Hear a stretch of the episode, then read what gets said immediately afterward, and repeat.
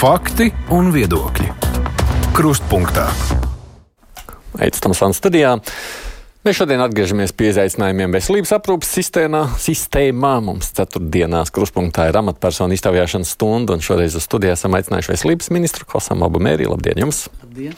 Diskusijas ap medikamentu cenām ir viena no ministra rosinātajām aktualitātēm, kas ir uzmanības lokā. Tad, protams, problēmas ar Stradiņas slimnīcu jaunā korpusa būvniecību. Nu, arī jau citas noteikti visiem zināmās grūtības ārstu pieejamība, rindas atalgojums, tam līdzīgi. Tātad klausītāji savus jautājumus aicināt sūtīt šoreiz ne tikai caur mājaslapu, bet ir iespēja izmantot arī WhatsApp lietotni. To var darīt pa tālruni 25 66 0440. Man pašam numurs vēl jāiemācās no galvas 25 66 0440. Šeit arī kolēģis žurnālistes Zanda Ozvalda Balodla Latvijas televīzijas ziņdienas sveika. Jā, labdien. Un arī Māra Libeka Latvijas avīzes sveika. Ar ko tad sāks, ne, beigsies tā pretstāvi?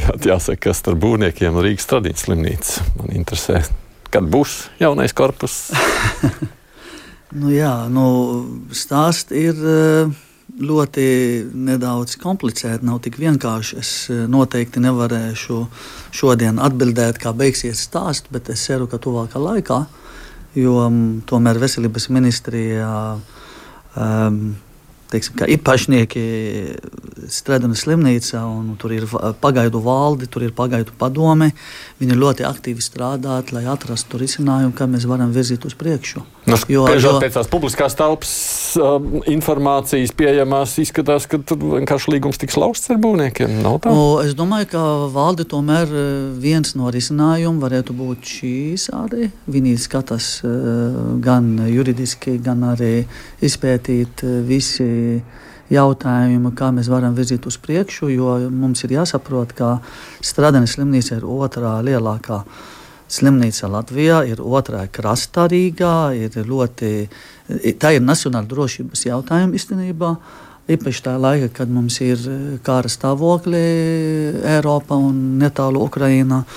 Tāpēc nu, nevaram, diemžēl, turpināt vienkārši uh, Mēs nevaram sagaidīt vairāk eh, neko no būvniecības kompāniju, kuri nenāk mums ar konkrētu pierādījumu vai darbības, kas apliecina, ka viņi tiešām konkrētu datumu vai konkrētu, konkrētu mēnesi viņi pabeigs un nodod objektu. Šī, šobrīd eh, visi dati, kas nāk no viņiem, visi tā informācija, kas nāk no to puses, diemžēl nav apliecinājums un nav garantija, ja mēs dosim es tā kā domāju, no mana puses, kā ministrijā atbildīga par šī joma, es, es nevaru uzticēt organizāciju, kur mainās visu laiku, neizpilda savas saistības. Mēs jau esam zaudējuši 26 miljonu eiro no ERAFU. Katru dienu mēs zaudējam klāt, katru dienu mēs kavējam, mēs zaudējam klāt. Uh, mums uz, uz vietas uh, būvniecības darbības neiet uz priekšu, ko vajag. Bija šī tāda pozitīva sajūta decembrī, kad es biju uh, Eh, vizīti kopā ar finanšu ministru. Mēs pastaigājām, salīdzinot ar oktobri, pirmā vizīti man pēc ministra apstiprināšana un decembri. Ar ļoti stingru uzstādījumu un, un ar, ar, ar jaunu valdi, pagaidu valdi, kas ļoti stingri arī sako līdzi būvniecības. Vismaz mums ir jumtu un fasāde. Citādāk hmm. nebūtu jumtu, būtu arī vispār pēlējumi ne tikai apgraba, eh, pagraba, bet būs viss uh, būvējā, viss uh, objektā. Jā. Un, un tagad pēdējā nedēļa tā dati, kas nāk no laboratorijas, tomēr tas pēlējums vēl ir. Uh, toreiz, kad mēs bijām decembrī, mēs staigājām pagrabā un tur bija ka kaut kādas darbības. Bija, jā, mēs varējām to smaku, to ķīmiskais vielas, ko lietot pret pēlējumu, bet diem, diemžēl rezultātu nav. Un šeit arī ir drošības pacienti, un mēs nevaram turpināt būvniecībā tādā veidā, tādā objekta, kur ir pēlējums, ja nevar izārstēt viņu. Vai jums ir informācija, kāpēc pagrabā stāvā ir liela operācijas zāle paredzēta? Uh, tas arī bija jautājums, ko mēs prasījām. Tas, vispirms tas projekts jau zīmēt jau kaut kādu laiku atpakaļ. Un mēs saprotam, tas arī ir kaut kā saistīts ar, ar, ar, ar komunikāciju starp A1, starp B korpusu, tas ir centrs, tas arī ir drošības jautājums, saprotu. Bet mums arī bija kopā ar finanšu ministru tas jautājums, vai tiešām ir pareizi, ka būtu tur. Tas, tā... ir, tas ir jautājums, ko vajag arī nākotnē arī nu, izvērtēt. Un vai tā tiesa, ka tās spēlējuma tās pazīmes parādījās tad, kad bija valdes priekšsēdētājs Rināls Muciņš tajā laikā jau? Es jau tiešām, man liekas, ka jā, Jā, jā, tas tas pirmo reizi, jo toreiz, toreiz arī bija, toreiz bija uh, tas arī. Uh, ūdens tur šausmīgi pu- pusi pagrabs bija, jo, diemžēl, nebija uztaisīt uh, lietas, lai nebūtu vien, lai netiktu ūdens uz turieni. jā. Uh, un, un, un, un es šobrīd uh, nevaru pateikt, t- ka iepriekšējā valde vai esošā valde kā līdz galam neizdarīja savu darbu. Es eh, vismaz esošo valdi, ko es tagad pazīstu personīgi, eh, kontaktu pēdējā laikā par, par, par, par notikumiem eh, stradinos, es varu pateikt, ka viņi tiešām ļoti labi, maksimāli strādā, mēģina virzīt uz priekšu, bet domžēl, diemžēl, ko mēs eh, redzam, ka, ka tomēr nenāk pretī apliecinājums no būvnieka pusē, ka tiešām pabeigt konkrētu laiku. Jo arī uz vietas, kā es saprotu no valdes locekļiem, ka tomēr eh, tādi skaitļi, strādnieki vai būvnieki skaitļi ir, ir maz. Nesaskanot ar to apsolīt, kas bija apsolīts iepriekšējā valdē, jā, vasarā. Jā. Nu jā, valde tur minēja, ka ikdienā ir ap simt cilvēkiem, bet, lai tik liels objekts Vismaz- tiktu būvēts, tur vajadzētu būt vismaz trīs reizes. Vismaz, jā. tad- Bet, nu, ko, tad, ko tad darīt ar to visu? Ja tā valde neusticas būvniekiem, būvnieki sola, viņi turpina solīt, ka viņi to izdarīs. Tur gan bija arī interesanti. Viņi slimnīcē bija rakstījuši, ka viņi to izdarīs 17 mēnešu laikā. Preses konferencē viņi to bija teikuši, ka 15 mēnešu laikā Un viņi arī, to izdarīs. arī, kad es biju, man liekas, ka arī jūs bijat, kad es biju vizīte, nebijat, jā, Latvijas televīzijā, bet es atceros, ka arī mūtiski, tā kā neformāli runājot ar, ar toreiz valdes loceklis, būvniecības kompānija, kas bija toreiz objektā, kas mums sagaidīja no vēl pusē. Viņš man toreiz saka, nu jā, nu tā līguma beigsies mārta, bet tomēr mēs darīsim visu, redziet, mēs jau pa divi mēneši ielikam jumtu un, un, un, un fesādu ir, un mēs varēsim no oktobri 24. gada pabeigt un nodot decembrī. Pēc tam atnāca eh, dokumenti, ka, kā jūs sākat 17 mēnešus, tad mēs runājam par nākamo gadu. Jā. Tā kā visu laiku to, to, to termiņu mainas, eh, visu laiku to komunikācija nav skaidra. Es saprotu arī, ka no valdes locekļiem arī tika pie- pieprasīt eh, papildus informāciju par kompāniju, vai viņi ir spējīgi turpināt strādāt. Un es saprotu, ka viņi nesaņem to dokumentu, kas dod kaut kādu garantiju, ka tomēr var uzticēt, ka konkrētu būvnieku kompānija varētu turpināt un konkrētu 17 mēnesi vai 15 mēnesi viņi var pabeigt to objektu. Līdz ar to mēs to nejūtam. Vismaz no manas puses tā uzticība vairs nav, diemžēl. Mm -hmm. Par šo vēl ir? Nav. Man te no klausītāja jautājuma nevarēsiet jautāt, ir, protams, lai, ļaudis tiek pie saviem jautājumiem. Uh, viens klausītājs sūdzās Edīte, ka portālā rinda pie ārsti novēlot neprecīzi informācija. Uh, nu, pensionāri nevar atļauties maksas pakalpojums, bet nu, tādiem uh, saprast, kā tā rinda ir. Es arī esmu to, secinājis, ka tur vairs nevar paļauties. Jā, un Edītē var pilnīgi piekrist. Tā tas ir. Rāda piecas dienas, bet realitātē tās ir 25 dienas. Jā. Kāpēc tā situācija tāda un ko tur darīt? Nu, tas arī ir jautājums, ko mēs jau mēģinājām. Es no pirmā dienas sāku risināt. Tas ir digitāls jautājums, risināt e, e-veselībā jautājumu, kas gan ir rindas jautājums, gan arī e, izmeklējums, gan arī e, e-recepte, lai strādā labāk, gan arī viss vis to e-veselības sistēma Latvijā. Mums ir tikai divi, divi modeļi, kas strādā, ik pa laikam arī nestrādā. Es arī kā ārsts kādreiz rakstīju pa, pacientiem e-recepti, un man pēc tam zvana nākamā diena, ka nav aptiekā. jā. Un, un līdz ar to mēs eh, ar to digitālo jautājumu eh, ļoti aktīvi strādājam, un mēs ielikām saskanošanu konkrētu piedāvājumu tapā saskanot gan ar nevalsts organizācijām, gan arī ar ministrijām, lai izveidotu normālu kompetenci digitālu centru, kur vienkārši gan ieviest jaunu modeli, gan seko jaunu modeli, gan drošības jautājumu, jā, kur vispār eh, katra organizācija var izveidot savu modeli un nezinām, cik viņš ir drošs vai ne. Nu, respektīvi, mēs gribējām ieviest eh, līdzīgu Igauniju. Mēs visu laiku runājam par Igauniju, cik labi ir e-veselībā, un mēs mēģinām to virzīt uz priekšu. Šobrīd notika ļoti uh, diskusija ļoti tāds par to formu, kas, kas varētu būt tā centra, kur viņš varētu būt. Vai, jo, jo patreiz NVD ir vairāki darbinieki, kas strādā ar to digitālu sistēmu, un līdz šim brīdim mēs redzam, ka to rezultāts nav labs. Un nav tehniski labs no vienas puses, un nav arī pārvaldīt labi. Un, ja mēs tagad jūs man prasiet, kurš ir atbildīgs par to naudu, ko mēs zaudējam, nezinu, desmit gadi atpakaļ veselībā izveidojuši, es pateiktu, nu, tur nav skaidrs, kurš, kurš kurā atbildīgs. Jā. Līdz ar to ir nepieciešams to vārbaldības modeli, kas ir Igaunijā līdzīgi, lai viņi būtu vismaz atbildība par jebkura projekta no A līdz beigām. Bet šajā gadījumā šajā gadījumā, šajā, gadījumā ir, šajā gadījumā ir jāskatās. Es varu paprasīt atkal NVD, un NVD atkal paprasīs ko konkrēto firmu vai konkrētu organizāciju, kas apkalpo Jā, diemžēl tā visu laiku notiks. Jā. Jo man arī, es paprasu no arī kolēģiem, lūdzu, sūtiet man to visu tehniskais, lai es to NVD pats iesaistu. Jā. Un atkal to tehniski jautājumu var uzlabot, bet uz cik ilgu laiku? Jā. Ja mums īpašais eh, ser, servieris tur, tur vecs no 99. gada laikam vai tam līdzīgi, un katru modeli to ievies klāt, viņš dod slodzi vairāk. Jā. Tāpēc, tāpēc nu, tas ir ļoti milzīgi izaicinājumi, ka mēs varam iet uz priekšu. Ko es varu apsolīt, ka mēs strādājam ļoti aktīvi, un, un es vēlos, eh, tā, tā kā šobrīd eh, sāk strādāt no janvāra beigas vai februāra, tagad tulīt to eh, e-laboratoriju, ko līdz šim cilvēki iet uz privātu portālu un skatīt tur par naudu, lai redzētu savu laboratoriju izmeklējumu. Šobrīd ne, ne, nav nepieciešams maksāt, un to vajadzētu caur e-veselību redzēt. Jā. Kā Jā. Jā.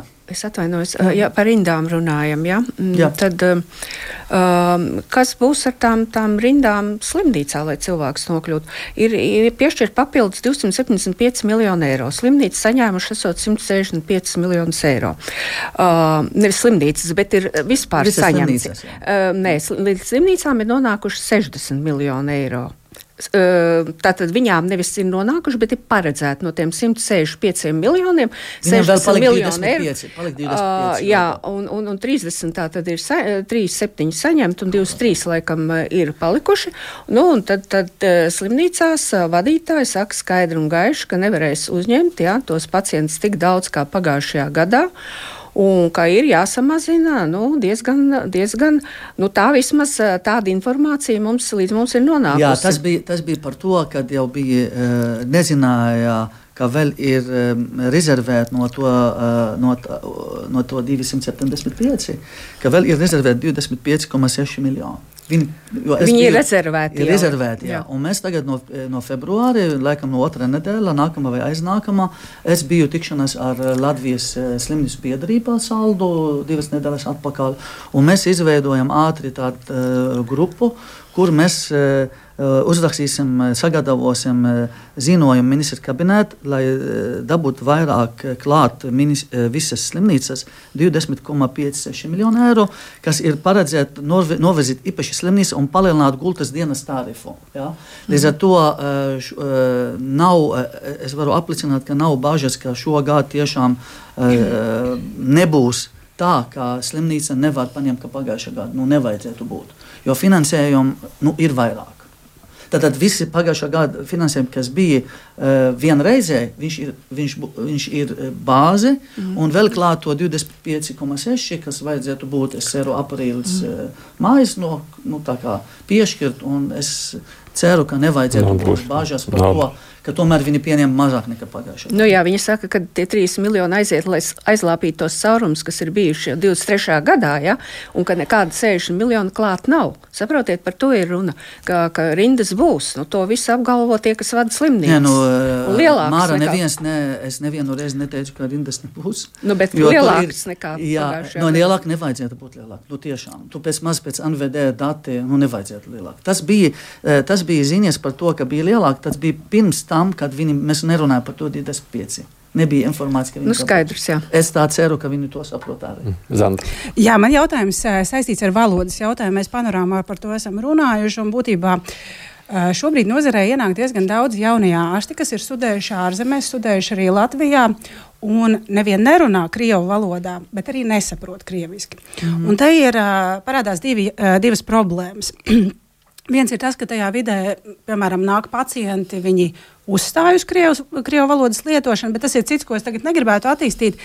Bet ir vēl viens uh, um, jautājums par to, ka viņi nesaprot uh, tātad uh, kolektīvā šī krievu valoda ir tik ļoti tāda. Nu, kā lai saka, visa tā vide ir krieviska, cilvēki savā starpā, arī personāls runā krieviski, un jaunie ārsti, piemēram, nesaprot, ko kolēģi runā, un viņiem var pazust ļoti būtiska informācija par pacientu. Mhm. Un šādā veidā pacients var zaudēt, nu, būtībā var rasties kļūdas ārstēšanā. Man ir arī atsūtīta konkrēta vēstule, kur ārste šo apraksta. Kolēģi viņu pat nosoda, kā tu nesaproti krieviski. Un, un, un, un, nu, Tā tas nedrīkst. ir jaunais ārsts, kas ir atgriezies Jā. no ārzemēm Latvijā. Jā. Un viņa arī raksta, ka vadība vismaz nodaļā atbalsta prokrievisku vidi. Nu jā, kā šādā situācijā, kā jūs skatāties? Es to? skatos ļoti vienkārši. Vispirms, valsts likumā vienīgā valsts valoda ir latviešu valoda. Un šajā gadījumā tas ir pārkāpums.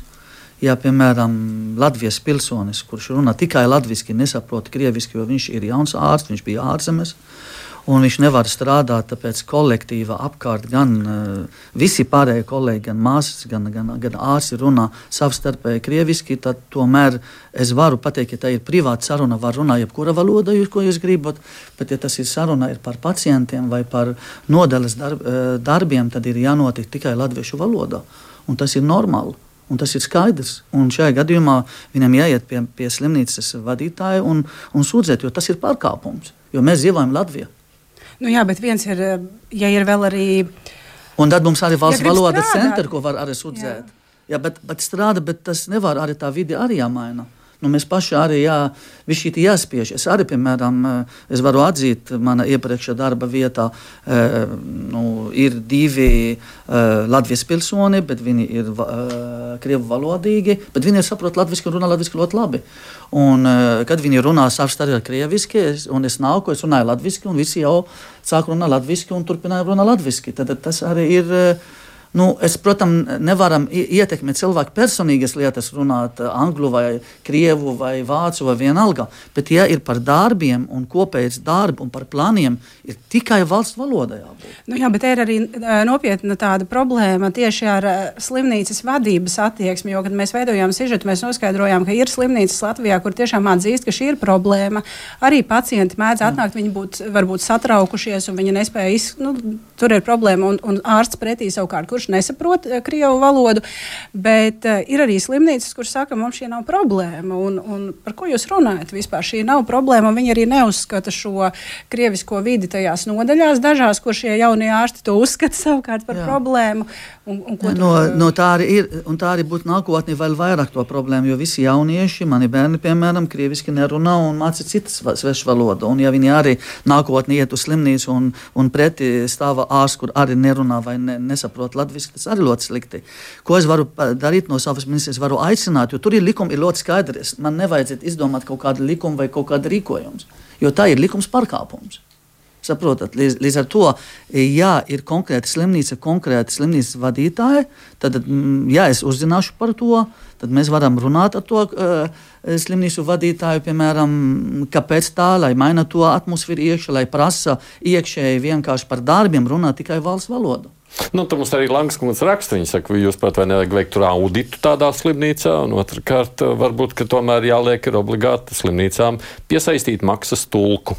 Jā, bet, tas, bet es to nelikšu. Tāpēc tā ir iekšējas lietas. Vispirms eh, jāsaprot arī, ka veselības ministra, eh, nu, tad es eh, vairāk par veselību, ne par nu, likums tad, realizēt. Ja ir pārkāpumi, tad man ir sūdzības, es sūtīšu, piemēram, konkrētu, vai tas ir valsts valodas centra, lai, lai sodītu, vai, tas, vai es varu aicināt, piemēram, slimnīcas vadītāju. Ja, lai, lai, lai, lai būtu, lai skatās iekšēji noteikumi, kas notika pie viņiem, un, un tā nedrīkst būt. Jā. Tā, tā ir problēma, protams, un es redzu, arī Twitter vienmēr man uh, sūta tāds, piemēram, tago, kā vajadzētu konkrēti slimnīca, bet arī ir pašvaldības slimnīca, kur man nav nekāda sakara ar to, ir arī privātu, kur man nav nekāda sakara jā, kā, kā, kā veselības ministrijā. Nu, es, protams, tā rīkojuma manēja varētu būt, ka lūdzu ievērot valsts likumā, jā.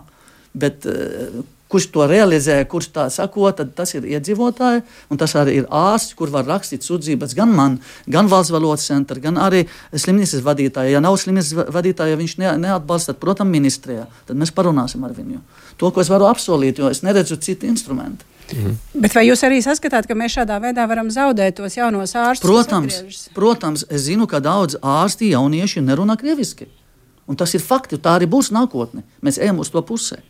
Tā kā, un, ko mēs darīsim, tad mēs turpināsim runāt krievu valodā. Un, ja īpaši nevar būt, ka konkrētu darbinieku, kas strādā konkrēta nodaļa, nerunā valsts valodā. Ja nerunā, tas arī ir šausmas, piedod. Es ceru, ka viņi runā. Tad, ja jūs runājat latviešu, tad runājiet par darbiem, ne par privātām lietām, latviešu valoda, valsts valoda. Un tā arī vajadzētu iekšējā noteikuma. Tad jābūt arī no slimnīcas vadītāja ļoti stingri, jo arī jauni ārsti nav jārunā krievu valodā. No klausītāja te bija garāks formulējums par kompensējumu medikamentu sarakstu. Tika tātad solīts ne tikai kompensācijas procentu palielinājums, bet pārlūkots, lai izslēgtu tās zāles, ko sen vairs neizmanto, un tad iekļaut aktuālākus, efektīvākus medikamentus. Uh, Nu, kā te man raksta viena klausītāja, nozarei pagājušā ceturtdienā prezentētie uzlabojumi un izmaiņas bija vien uz vienas pirkst, rokas pirkstiem saskaitāmi. Un te viens cits klausītājs raksta, ka sausais atlikums no revīzijas sotniecīgs izsvītrots viens medikaments par 200 eiro gadā. Jā, es esmu dzirdējis par to. Nu, jā, jā, mēs prasījām no uh, asociācijas, uh, kura medikamentu jūs vairs nelietot vai uz, uh, uzskatāt, ka neefektīvi. Jā. Uh, un kurā medikamentu jūs gribat klāt. Mēs saņēmām vairāk par to klātu un par izslēgšanu neuzskatu tas būtiski izņemot viens vai divi medikamenti. Tad es ministrs nenākšu un svitro pats to medikamentu. Jā. Ko mēs varam darīt, ka mums ir skaidrs redzējums. Uh, šī ir iet kopā ar to ziņojumu, ko, kas, ko mēs pieņēmām ministra kabinetā 16. janvārī. Tātad uh, mums ir trīs, uh, trīs lieli darbi, īstenībā četri. Viens ir kompensējuma medikamentu sarakstu paplašināšana un investēt vairāk naudas un mainīt to struktūru. Šobrīd ir 50% kompensējami daži produkti, 75 un 99. Jā.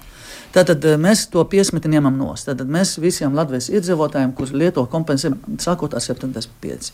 To mēs pieņemam lēmumu un skatām, cik mums ir no to 275 miljonu, ko mēs varam ielikt bāzi un iet uz priekšu. Tas ir pozitīvs ziņas. Otrs pozitīvs ziņas, ka mēs gribam paplašināt to, to arī um, grupu, to diagnozu grupu.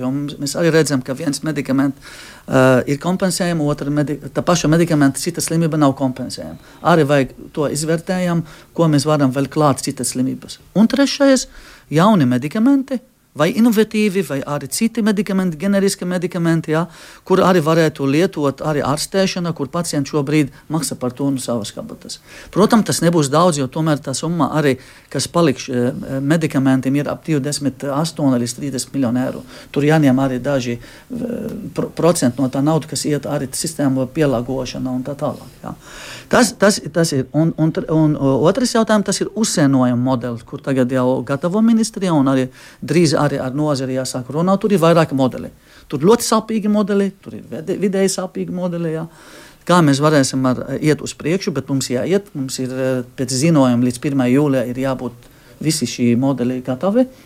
Un uh, nākamais jautājums, un, un ļoti, ļoti būtisks jautājums, ir, protams, par farmācijas un farmacistu uh, funkcijas tad farmaceits kā cilvēks. Jo šobrīd, diemžēl, daudz kolēģi, kad es eju uz, farma, uz aptiekam un runāju, viņi saka, nu, ministra, jūs saprotat, mēs jūt, jūtam sevi vienkārši kā pārdevēji. Mēs neesam vairāk tādi farmacisti, nu, tā kā pali, uh, uh, ārstniecības persona, kas palīdz. Ar, ar informācijām, ar pieredzi.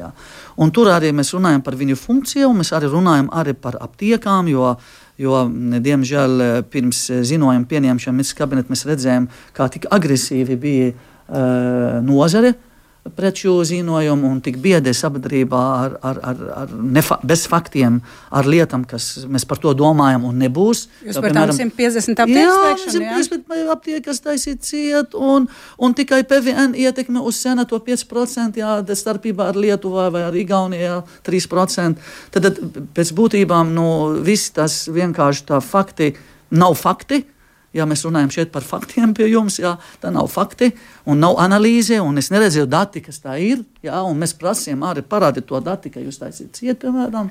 Bet mēs turpinām runāt ar, ne ar to nozari, kas to stāsta, ar īsti nozari, tad ar Latvijas mazas aptiekas ap biedrību, kur ļoti laba sadarbība ar viņiem. Mēs redzam, eh, ka aptiekas ir vietas, kur tiešām nevar pelnīt labi. Jā, Un līdz ar to viņi kompensē vairāk ar uzturbagātināti, ar kosmetiku un tā tālāk. Bet ir aptieki, kas ārpus Rīgas, kur nav varbūt kosmetika un to uzturbagātināti daudz, kas ir vairāk sociāla funkcijā. Līdz ar to mēs arī domājam par, par, par, par šīm aptiekām, īpaši ārpus Rīgā, lai iedzīvotājiem nebūs panika, ka nebūs, piemēram, aptieka manā pagastā vai manā maza pilsētā.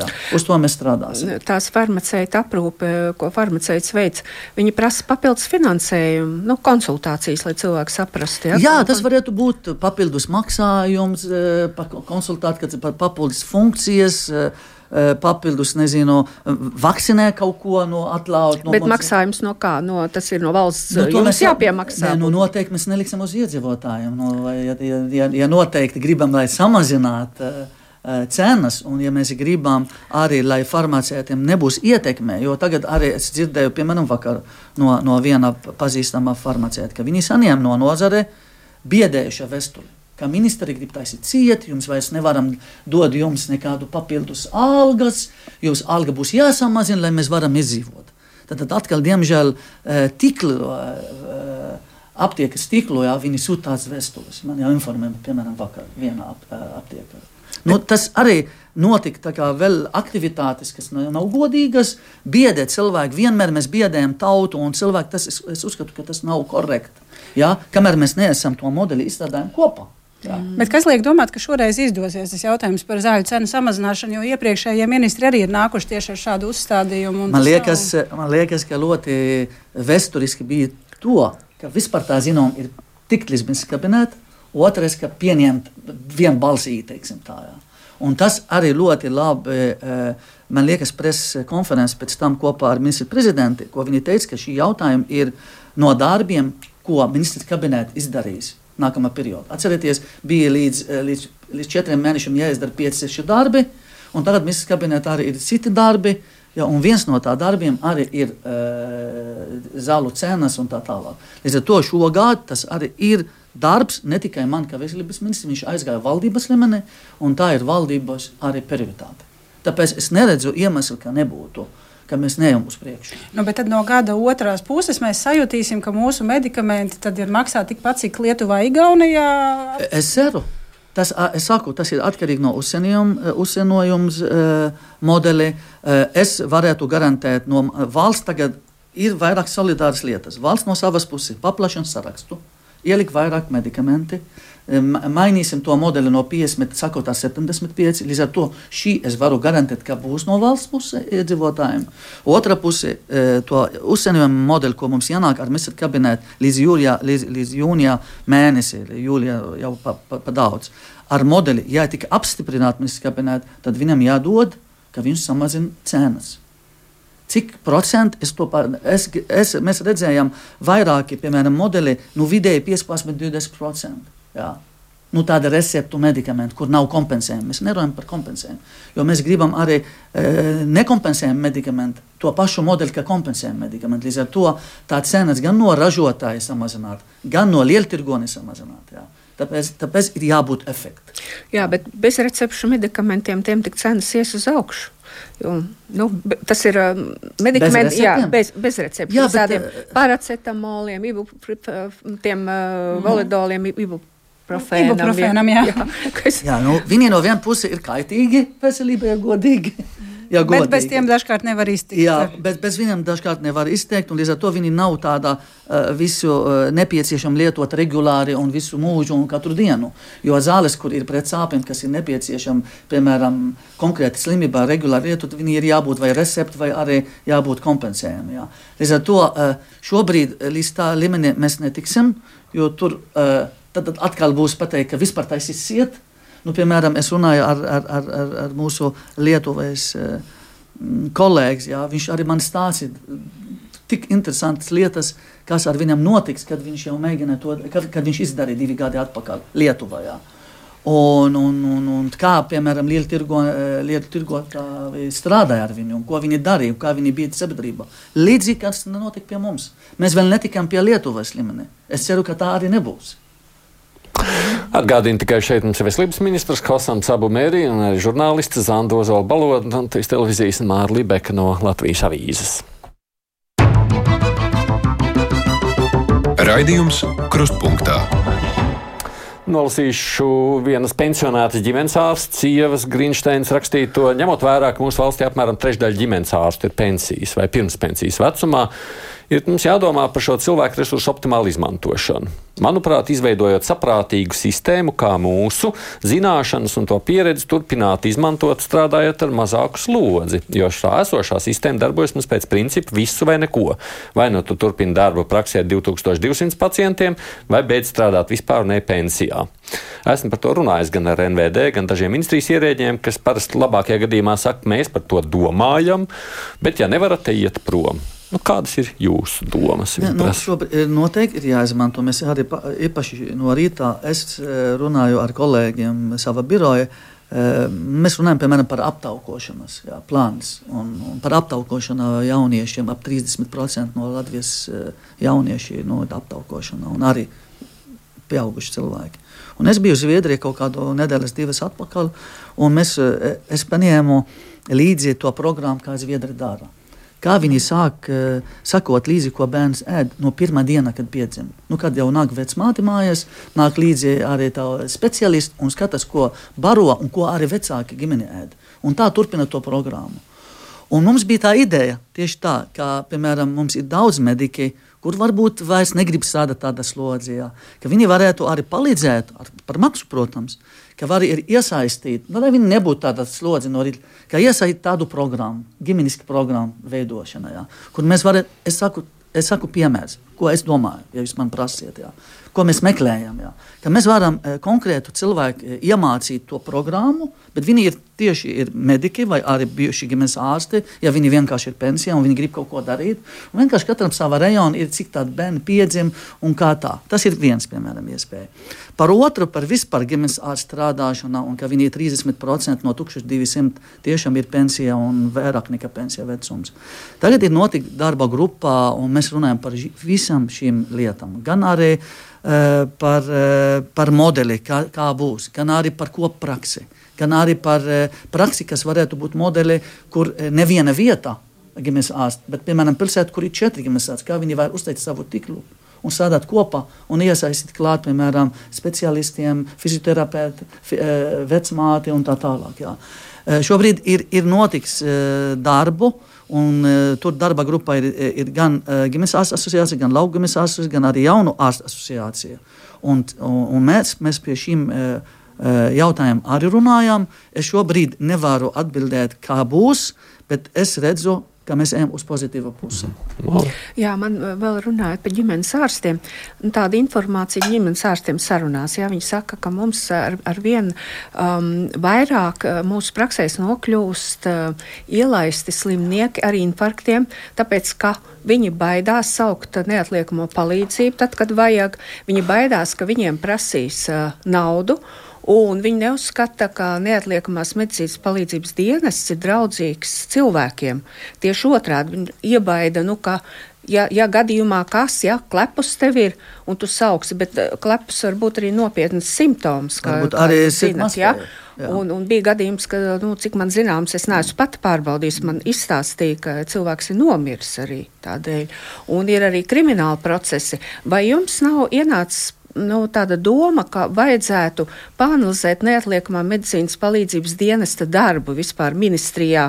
Vai jums ir kāds cilvēks, kas spēj to apskatīt gada pārskatus, tās uh, summas, kas tur uh, tiek uh, pārskaitītas uh, šai nu, ātrajai palīdzībai, neatliekamās medicīnas palīdzības dienestam? Es to vaicu arī tāpēc, ka, ka gada viens no pārskatiem, ko es papētīju, ļoti interesants pirms Covid-a. Mm. Izsaukumu skaits ir bijis lielāks nekā Covid laikā, bet nauda nāk uz klāt un arī brigādes klāt. Un šo te struktūru, tāda analīze, man liekas, veselības ministrijā nav bijusi, kas tur vispār īsti notiek.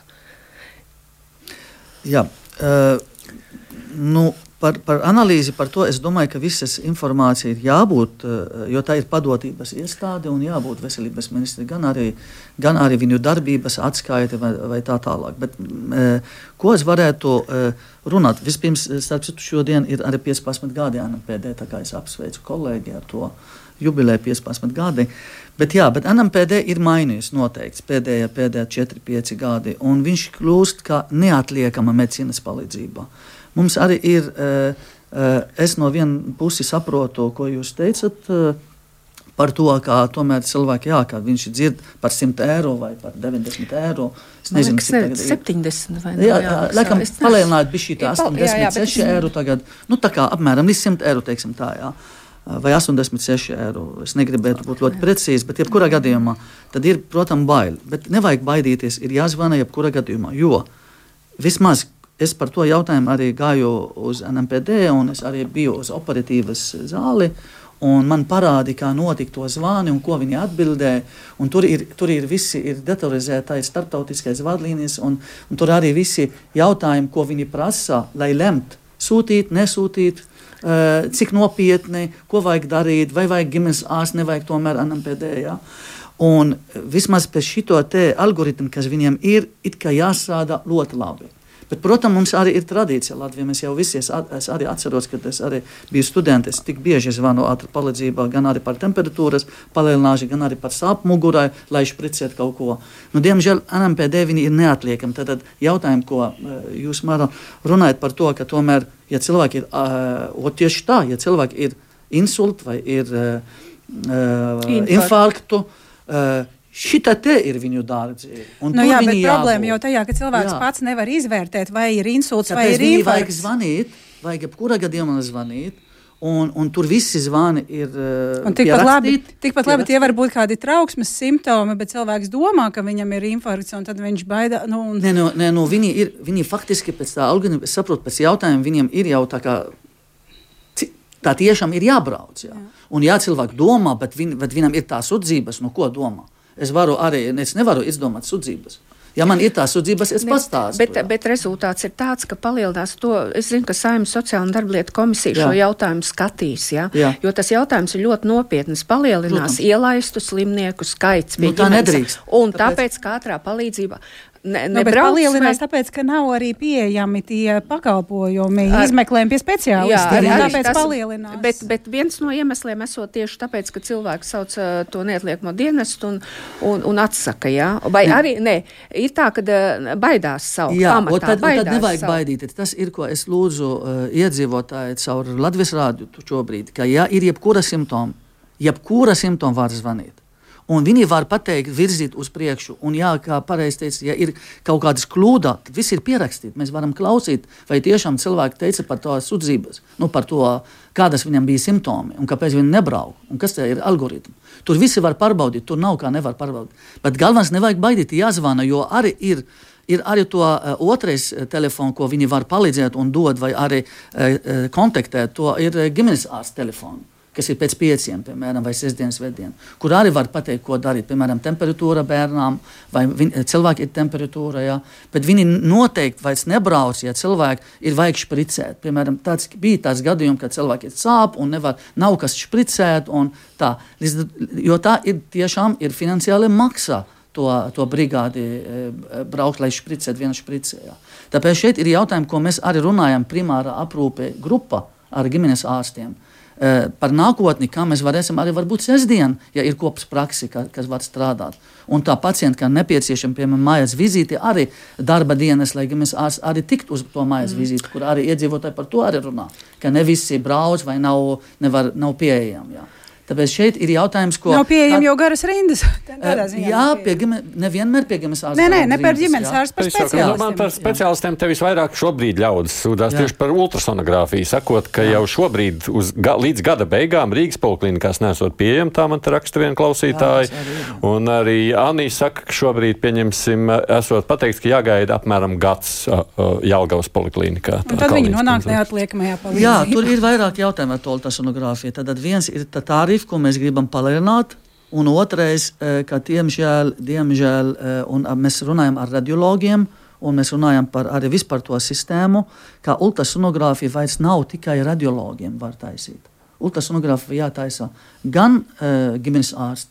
Par to arī runājam ģimenes ārstiem. Mēs esam gatavi ja mā, mācīt ģimenes ārstiem, esam gatavi arī, ja vajag konkrēta rajona no Eiropas naudu nopirkt to aparātu. Ja? Jo ultrasonogrāfija tā ir tā kā, ja, tā kā apskatīt eh, degunu, un ausis un mēli. Un tas ir vienkārši apskatīt.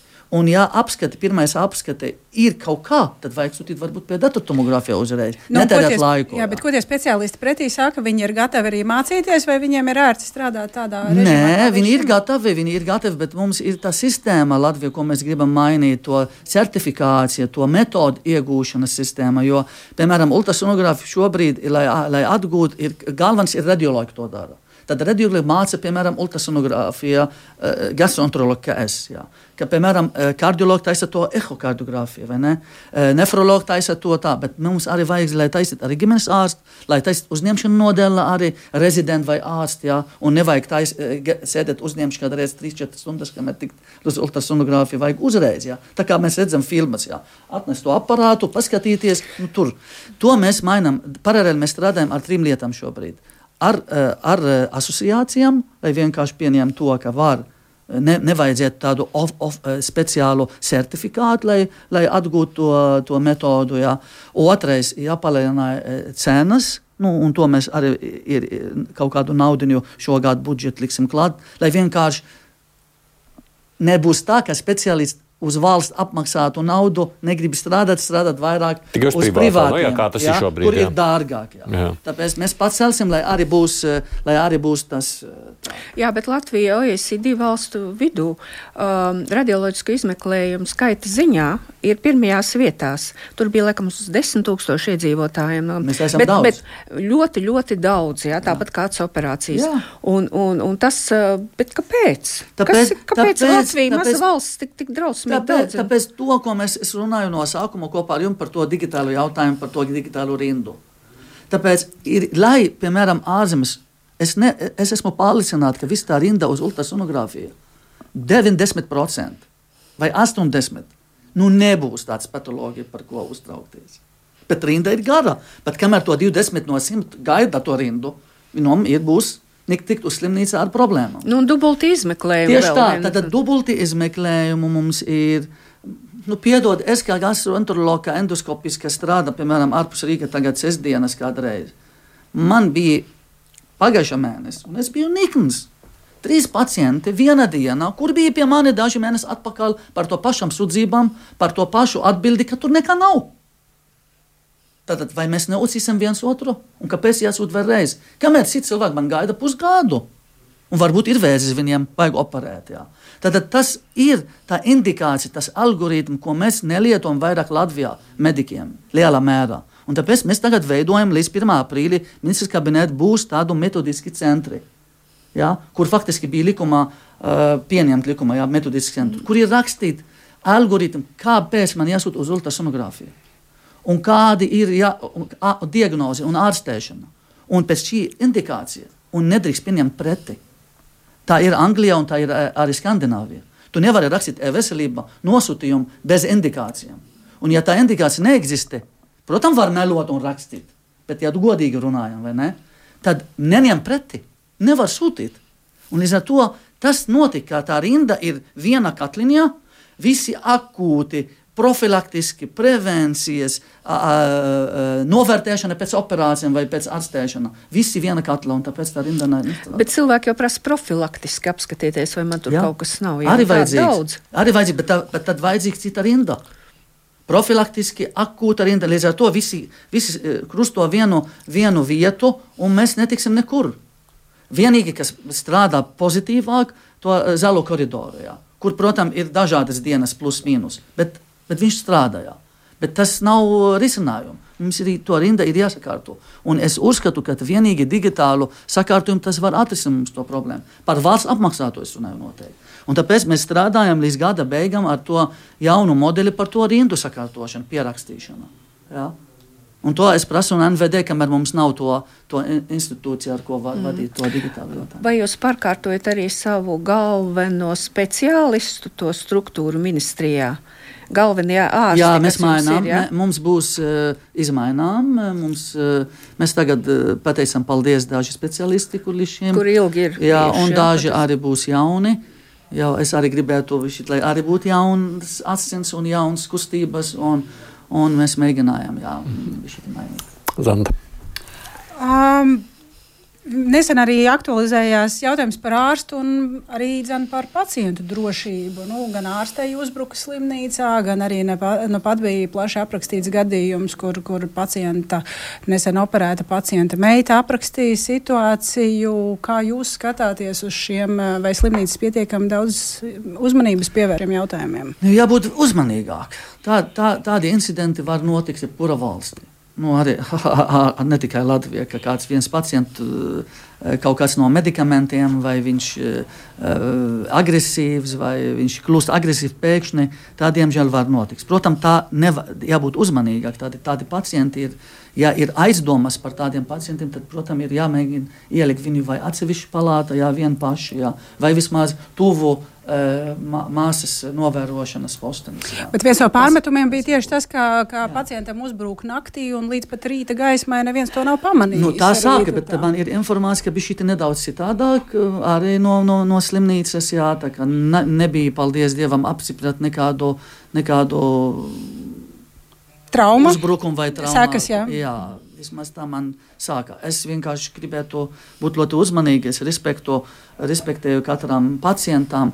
Un tā informācija arī, protams, ir ļoti, ļoti, jābūt ļoti uzmanīgai, jo tā arī ir pacientu. Jo tu pat arī mm. eh, labi, ja, ja tur bija meita vai dēls runā par, par tā, bet jābūt arī uzmanīgi. Ne, ne viņš runāja par savām problēmām jā, publiski. Bet, bet es par to, ne, par to negribu aizstāvēt nevienu slimnīcu šeit. Ir jābūt uzmanīgi, un mēs runājam ar vadītājiem par to, ka ir jā, jā, jāizvērtē katru pacientu, un ja tas pacients tiešām ir, ir signāli, ka viņš ir agresīvs, tad labāk neielikt kopā ar kādu, mēģināt atrast, bet kādreiz arī ir tāds, ka tiešām nav brīva vieta nodeva. Tas arī ir jautājums, kāpēc mēs ejam ar to sadarbības stikla sakārtošanu. Kā universitāte klinikas kādreiz pirmdienas ir 150%. Vairāk nekā. Jā. Un ir koridoriem jāieliek kādreiz. Jā. Un, un, un, piemēram, ja mēs runājam arī ar, ar universitāti, kliniku, saka 90, 95, tas nav labi. Jo, ja notika kaut kāda drošības incidenta, kur viņi ārstē to pacientu, Jā, līdz ar to mēs sakārtosim, mēs gribam sakārtot sadarbībā ar reģionālas slimnīcām un, un trešajā līmenī slimnīcā ar, ar universitāti kliniku, lai vienkārši nu, nebūs tā milzīgas gultas uh, aizņemšanas. Bet par pacientu pieredzi mēs redzam un strādājām, un, un bija, man liekas, tās uh, pilota projekta uh, ar to Prims un proms. Jā, jā. Prims un proms. Un turpinās redzam, tas? Jā, turpinās. Un, un, un tik paņemta arī konkrētu speciālistu universitātes klinikas, lai sakoto jautājumus. Un, un izvērtēsim, kā mēs varam arī ārpus Rīgas, ne tikai, ne tikai reģionālas, un tikai, eh, piemēram, universitātes klinikas, arī lai būs mazākas slimnīcas.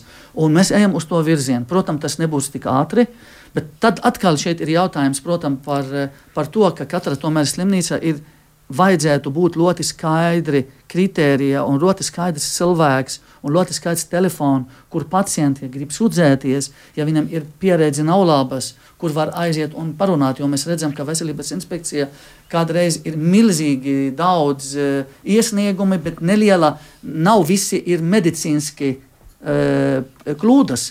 Uh, ir lielā mērā arī pacientu pieredze problēmas kur varētu arī katra slimnīca nu, risināt atsevišķi. Līdz ar to šī ir tas, tas, tas, tas prem un tas, tas ir aptaujas, ir jā, jāvirza uz priekšu, un mēs tagad tiešām strādājam. Man arī, es arī pieņēmu, ka aštāta padomniece arī Vita Šteina, kas par to jautājumu ļoti specializēja Latvijā, un nesen veido arī biedrību, lai arī virzītu uz priekšu. Tas ir jau jautājumi, ar ko mēs strādājam, bet es arī tā pašā laikā arī nedaudz no otras puses, tad pacienti, bet arī ir ārsti kur arī, diemžēl, mēs arī dzirdam ik pa laikam. Nu, jā, tas arī uzbrukumi. ir tikpat svarīgi, jā, jā, lai ārstiem neuzbruk. Jā, jā uzbruk, un, un iespējami, ja godīgi runāt, piemēram, ar, ar Cipuli kundzi, kā ar NPD, tas uzbrukumi ir katru dienu. Un daudz, ja? un neviens par to nerunā. Ja? Nē, nē, viņi par tāpēc, to runā. Tāpēc arī mēs arī mēģinājām vairāk arī šī, šī, šī kā Vita Šteina teica, ja, ka mums ir arī jāmāca gan ārstiem, gan personāliem, lai būtu gatavi arī kā vispirms kontaktē un komunicē ar pacientu. Jo kādreiz pacienti nezina par savu slimību daudz lietas. Es arī kā, kā speciālists nāk kādreiz pie manis, viņš jau, kas jums notiks, man ir tāds, kas jums dien, es nezinu. Pat čupam med, no tāds mapīti līdzi. Nu, viņš nezina, kas ar viņam notika līdz galam. Jā. Un šeit ir ļoti svarīgi arī uh, kolēģi, ārsti, arī informēt tomēr savu pats skaidra valoda, vienkārša valoda, kas ar viņam notika, kas ar viņam būs. Ja?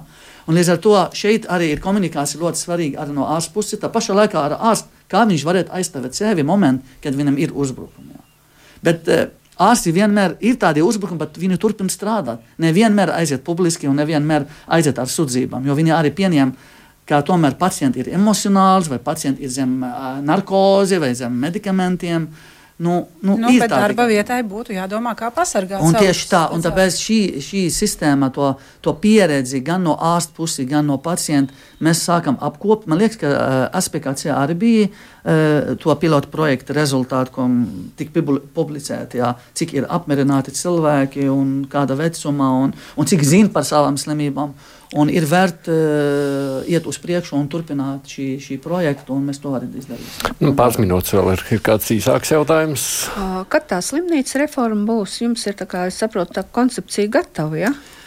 Jā, daļēji es gribētu tuvākā laikā iet uz strateģisko padomē, parādīt kolēģi par, par redzējumu. Ja? Un, uh, mums ir, jā, tā plāni ir. Bet laiks, es nepateikšu, tas būs ļoti ātri. Noteikti tas, jebkurā reforma, īpaši tādi, nepieciešama laiku, bet mums ir viens ziņojums, ka mēs gribam iet uh, uz ministra kabinetu uh, par sadarbības tīklu, par ko jūs prasāt, sadarbības tīklu un sadarbības kursi kopā ar reģionālajām slimnīcām, un tad pēc tam sadarbības reģionālajām slimnīcām ar trešo, otrā. Slimnīcas līmenī. Tas ir viens ziņojums, un otrs ziņojums, kā mēs redzam to funkcijas, to pakalpojumu kārti. Traumatoloģijas kārta Latvijā, dzemdības kārta Latvijā, kardioloģija kārta Latvijā. Nu, viss, jā. Kur ir jāinvestē vairāk, un kur ir jāpārcēl kaut kur citur, tuvākā vietā, kur var būt kvalitatīvāk, vai kur arī ir speciālisti. Jo kādreiz mēs redzam, ka konkrētā slimnīca vai konkrēta iestāde sludina, ka ir konkrēti speciālisti, bet viņš ir tik reti. Ja, un nav uh, ļoti būtiski tas pakalpojums. Ja. Līdz ar to labāk koncentrēt to pakalpojumu, kur ir speciālisti, un lai būs pieejamāk un kvalitatīvāk. Ja. Līdz ar to mums ir diskusija ar slimnīcām. Mēs, es negrasos paņemt vai aizliegt kaut kādu nodeļu vai kaut kādu specialitāti bez slimnīcām un bez visi kolēģi piekrīšanas. Diskusija būs par traumatoloģiju, diskusija būs par dzemdībām, ja, un tas ir normāli. Tā viena diskusija par dzemdībām jau bija augustā, un tagad atkal nāk. Nē, tāpēc e, man ir viegli, man ir viegli uh, taisīt ciet pēc kritērija, pēc, tas ir redzam, mēs redzam. Tā kā katru, skolas. Jā, jā, jā, jā, bet es to negribētu. Es gribētu, lai visi, visi speciālisti kopā un runāt profesionāli, un runāt par attālumi, un runāt par kvalitāti. Un tad mēs tiksim pie jautājuma, kura nodeļa varbūt nebūs vajadzīga kaut kādu laiku, pēc kaut kāda laika. Man liekas, tas izliekiet pāri. Nē, nē, pāri. Nē, nē, nē, Zanda, tiešām mēs ejam, ap, mēs ejam uz priekšu reāli. Mums tā dokumenti ir gatavi, bet mēs, lai liksim pēdējā vārdu, es gribētu, lai visi iesaista un jūt apmierināti, ka viņi tiešām tā vajadzīgi. Ne tā kā vienkārši tāpēc es gribētu, es gribētu. Nu, ir arī labi vārdi no klausītājiem. Intrakts beidzot ir ministrs ar sapratni un redzējumu nozarē un tās attīstībā, lai izdodas. Paldies! Arī ar šādu vēstuli es varu pabeigt mūsu sarunu. Es saku paldies kolēģiem, vispirms jau kolēģiem, kas bija atnākuši arī izjautāt mums ministru Zandu Ozolu Balodu, Latvijas televīzijas ziņdienests un Māra Libeka pārstāvēja Latvijas avīzi. Nu, un šeit bija arī veselības ministrs Hosams Abu Mēriņš. Paldies! Rīt, kā ir ierasts piekdienās, nedēļas aktualitātes pārskatām vērtēs žurnālisti. Nu, kas mums ir tās lielākās ziņas? Eiroparlamentārietis Tatjana Ždanoks sarakstes, kuras nākuši publiski vai ne ar Krievijas drošībniekiem. Gaidāmie zemnieku protesti, kurus mēs dzirdam nākošajā nedēļā organizēs. Droši vien pieminēsim lemto par Krievijas graudiem un arī tālākajām konsekvencēm. Gan jau būs arī citi temati, ko pārrunāt rīt. Atgādini, ja, ka kruspunktā ir gan klausāms, gan arī skatāms Latvijas televīzijā kādu laiku. Jā, tad, tad stundu pēc tam, kad beidzas šeit tieši radioetrā, tad varat arī mūs redzēt Latvijas televīzijas pirmajā kanālā un, protams, izmantojot iespēju gan aplikācijā mūs klausīties un skatīties, gan arī sociālajos tīklos, gan arī Latvijas radio mājaslapā. Un, un atgādin, atkārtojums ir 9 vakarā pēc ziņām ir dzirdams radioetrā. Procentu kruspunktā ir ievzējis, tad jāsavukārt var arī es, Aidis Tomsons.